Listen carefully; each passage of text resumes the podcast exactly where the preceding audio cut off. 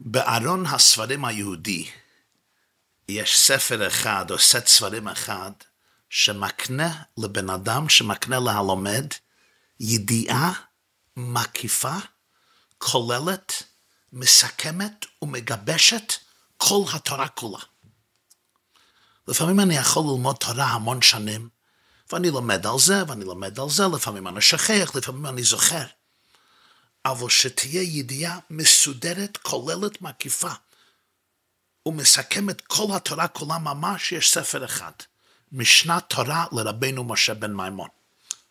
הרמב"ם, מה הוא עשה? הוא כתב ספרו משנת תורה שמחולק לי"ד ל-14 ספרים, ושם הוא הכניס כל תרי"ג מצוות התורה וכל ההלכות הקשורות לכל מצווה ומצווה של תרי"ג מצוות.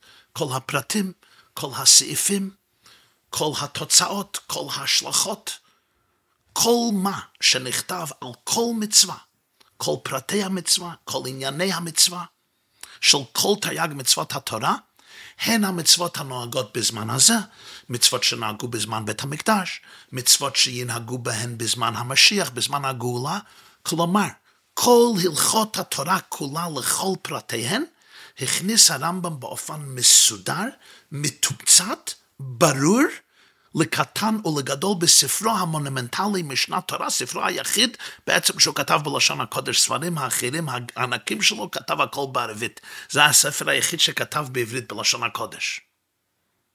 וזה דבר נפלא, כי בגמרא אז יש הרבה פלפולים וראיות ופרחות והולכים מסוגיה לסוגיה ומהלכה לנסתר, בנסתר למשלים, לאגדות, להיסטוריה, לביורי פסוקים, לפלפולים גדולים, למחלוקות בין תנאים ואמוראים וכולי וכולי. מה שהרמב"ם עשה?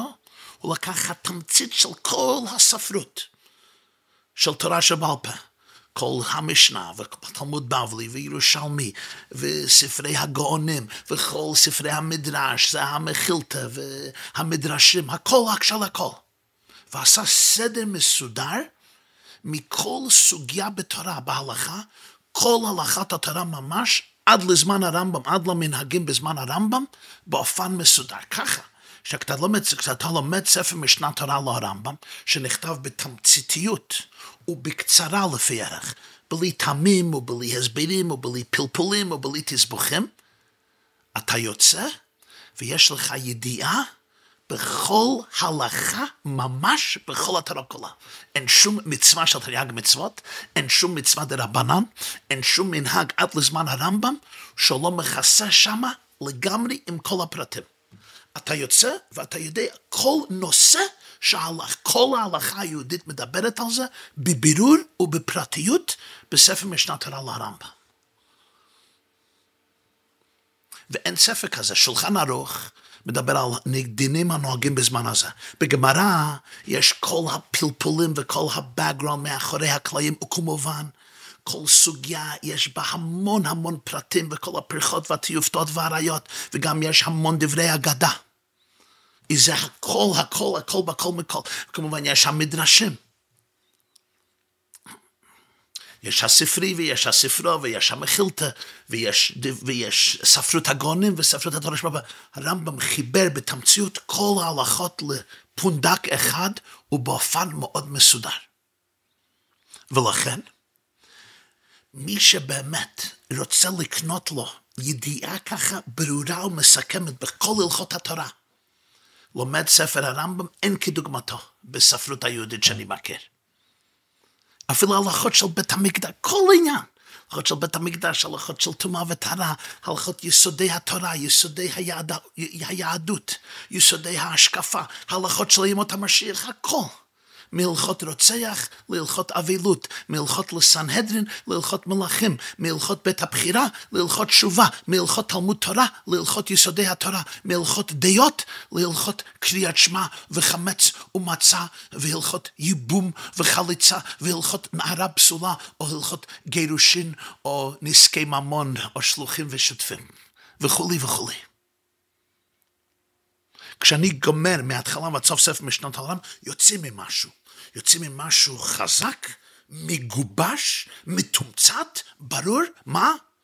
כל התורה כולה. כלומר, מה אני מתכוון כל תורה? לא כל סיפורי התורה. לא כל מדרשי התורה. לא כל ההיסטוריה בתורה. אבל כל הלכות בתורה. בתורייתא, מן התורה, מדרבנן, מנהגים, הכל בכל מכל, באופן מסודר.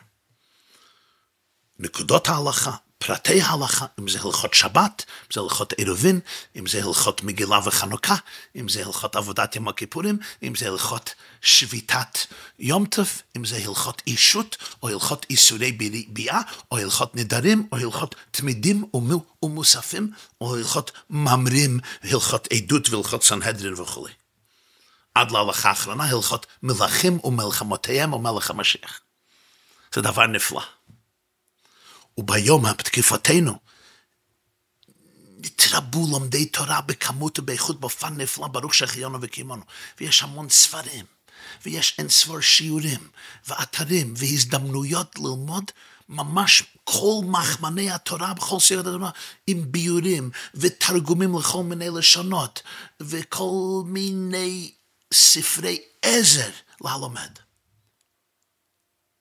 אבל יש דבר לפעמים חסר. וזהו ידיעה ברורה ומקיפה ותמציתית ומגבשת כל התורה כולה, וזה בספר משנת תורה לרמב"ם. יש עוד דבר שם, בספר הזה, סדר. אין, אי, אי אפשר ללמוד סדר כמו מהרמב"ם. תבינו, הרמב"ם נולד 1135, הרמב"ם נולד במאה ה-12, כן? 1135. הוא חי ל-70 שנה, נולד בערב פסח, נפטר חוף טבת, 1204. 1204, דצמבר, חוף טבס. מה היה אז? הייתה המשנה, הייתה הגמרא, הייתה ספרות הגאונים, היו המון מדרשים, והרמב"ם היה הראשון. איך עושים סדר מהתורה? איך עושים סדר? לא היה לו עוצר החכמה. לא היה לו בר אילן, לא היה לו גוגל, לא היו לו ספרים של מחברים, לא היה לו שולחן ערוך. הוא היה צריך לעשות סדר מהכל. והוא חשב לעצמו איך עושים קטגוריות בהלכה היהודית. והוא חיבר את ספרות ההלכה לארבעה סוגים, והוא קרא להם ארבעה ספרים. תשמעו, ולארבעה ספרים האלה הוא הכניס כל המצוות וכל ההלכות של עם ישראל של התורה. ספר מדע, ספר אהבה. זמנים, נשים, קדושה, הפלאה, זרעים, עבודה, קרבנות, טהרה, נזיקין, קניין, משפטים, שופטים. י"ד ספרים, לכן קוראים לו יד החזקה. י"ד, יד החזקה. בספר המדע הוא הכניס הלכות ששייכים ליסודות היהדות, הלכות יסודי התורה, הלכות דעות, הלכות תלמוד תורה, הלכות עבודה זרה, הלכות תשובה, בספר אהבה הוא הכניס כל המצוות ששייכות לדבקות ואהבה בין אדם לבורו, הלכות קריאת שמע, הלכות תפילה, הלכות ברכות. זמנים, כל הלכות ששייכות לזמן, הלכות שבת, הלכות יום טף, הלכות יום הכיפורים, הלכות שופר, סוכה, לולב, מגילה, חנוכה, תעניות, קידוש החודש, ספר נשים, כל הדברים ששייכים לזוגיות, הלכות אישות. הלכות ייבום וחיליצה, הלכות גירושין אם יש גט חלילה, וכולי וכולי. ספר קדושה, ספר הפלאה. ספר קדושה, למשל, מה ששייך לקדושה של עם היהודי, הלכות מחלות אסורות, הלכות איסודי ביאה, הפלאה, זה דברים שקשורים לדיבור של היהודי. למשל, הלכות נדרים, הלכות שבועות, הלכות נזירות. זרעים, כל ההלכות ששייכות לקרקע, לאגריקולטורל, לקרקע, למצוות התלויות בארץ, הלכות תרומה, הלכות מעשרות, הלכות שמיטה ויובל, עבודה, קרבנות, כל, הש... כל, ה... כל ההלכות שייכות לבניין בית המקדש, לקרבנות, לעבודה בבית המקדש, טהרה, כל ההלכות של טומאה וטהרה, נזיקים. כמו הלכות נזקי ממון, הלכות רוצח ושמירת נפש, הלכות גזילה ואבידה, קניין, כל ההלכות ששייכות לקניינים, לשותפות, לבעלות, למשיכה, למכירה. יש משפטים, civil law בין איש לחברו, ויש שופטים, הלכות סנהדרין, הלכות עדות, הלכות ממרים, הלכות אבל, הלכות מלכים, וזה הסוף. אז בואו תבינו, הוא לקח כל המצוות והכנס אותם לארבע עשרה ספרים האלו, ובכל ספר יש הלכות ששייכות לאותו ספר, ובכל הלכה יש פרקים, ובכל פרק יש סעיפים, יש קטעים, שנקראים הלכות. ולא רק זה, הוא סידר את הכל בסדר מדויק במאוד מאוד. כלומר, אתה לומד רמב"ם הלכות טומאת מת. כל פרק משתלשל מהפרק הקודם. אתה לומד מהרמב"ם איך לחשוב, איך לסדר עניין, איך לתמצת עניין. הרמב"ם היה צריך לקח כל מקום בכל היהדות ששם נמצא משהו על טומאת מת, או על שבת, או על יום הכיפורים, או על סוכה, או על קידוש החודש, או על תעניות, או על רוציחה. ולסדר את זה בצורה מסודרת ומגובשת. כל פרק משתלשל מהפרק הקודם. מהמבנה של הרמב"ם אתה לומד איך לחשוב. אתה לומד המבנה של היהדות, אתה לומד המבנה של התורה, אתה לא רק רואה את הגאונות המפתיעה של הרמב"ם, אתה רואה הסדר של הרמב"ם, הנימוק, ההיגיון, ואתה לומד איך לחשוב, איך לסדר דברים. כשלומדים הרמב"ם טוב, מפתעים, איך הוא סידר את הכל והוא עשה את זה מאין, לא היה לו חומר עם מה לעבוד, היה לו רק החומר של כל ההלכות שהיו מעורבות בכל הש"ס כולו, כי זה לא מסודר בגמרא, בבבלי ובירושלמי ובמחילתא ובספרי ובספרה ובתוספתא ובכל הברייתות ובכל המדרשים. והיה צריך ליצור ממש מאין סדר, סדר מחודש, ועשה את זה בצורה מסודרת ונפלאה. אתה, אתה לומד סדר, אתה לומד איך לחשוב, אתה לומד איך לפתח עניין, אתה לומד לראות הלכה בכל המבנה, בכל ההיקף, בכל הסדר. דבר נפלא. וגם הספר ההלכה הזו מלא רגש. הרמב"ם היה בעל מוחין נפלאים, אבל היה לו גם לב זהב. זה פלא. בהיסטוריה יש אלה שהם אינטלקטואלים ענקים, חסר קצת באמפתיה שלהם. הם לא רעים, אבל זה, הם מוחים. ויש אלה שיש להם לב גדול ענקי, אבל זה לא קרוב למוח. הרמב"ם היה מיחידי סגולה, היו כאלה, אבל רק יחידי סגולה, שהראש והמוח ממש היו מתאימים אחד לשני. הוא היה ראש גאוני, אבל היה מנהיג. היה יהודי עם אמפתיה, עם רגש עמוק. זה רואים תמיד בהלכות שלו. הוא מתפרץ ברגש, בהשקפה, זה חוויה אצלו. יש המון אמפתיה, יש דבקות. כשהוא מדבר על אהבה בכמה וכמה מקומות, כשהוא מדבר על מוסר, על אתיקה, על זיכוך המידות, על אגוצנטריות. רואים אצל הרמב"ם זה חי, התורה זה לא רק ספר חוקים וריטואלים, זה משהו חי, מאתגר בחיי יום-יום. ולכן, אחת מהתקנות הכי ברוכות שזכינו לה בדורנו זה, זה לימוד ספר משנת תולר הרמב"ם. התקנה נתקנה על ידי הרבי מלובביץ'. אני הייתי, הייתי נוכח כשהוא תיקן את זה, זה היה באחרון של פסח, תשמ"ד, 1984, הייתי לפני בר מצווה, אבל אני זוכר הפצצה, כשהוא הציע, אומר, כשאמרו שלומדים גמרא בכל יום, יש תלמוד בבלי, דף יומי, ויש דף, יש תלמוד ירושלמי, ויש משנה יומית, הלכה יומית, כך כדאי מאוד לתקן לימוד יומי בספר משנת תורה לרמב"ם בשני מסלולים. מסלול אחד זה שלושה פרקים ליום, וכך גומרים הרמב"ם בשנה אחת. מסלול שני, זה פרק אחד ליום, וכך לומדים את, גומרים את הרמב"ם אחד בכל שלוש שנים.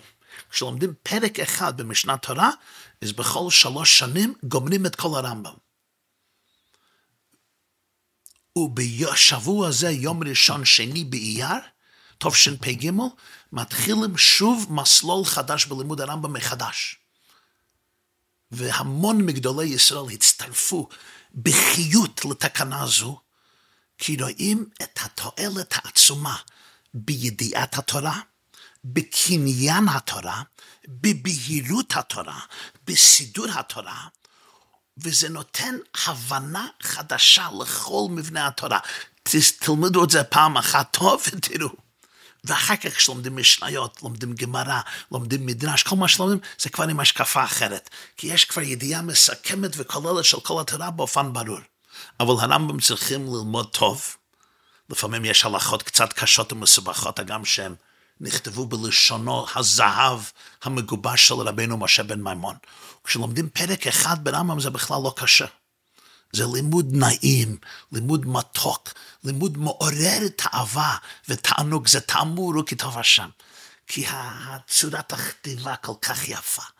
הסדר. אתה מתחיל לחיות עם הרמב"ם, עם דרך החשיבה שלו, עם ההיגיון שלו, עם הראש שלו, עם הלב שלו, עם הנשמה שלו.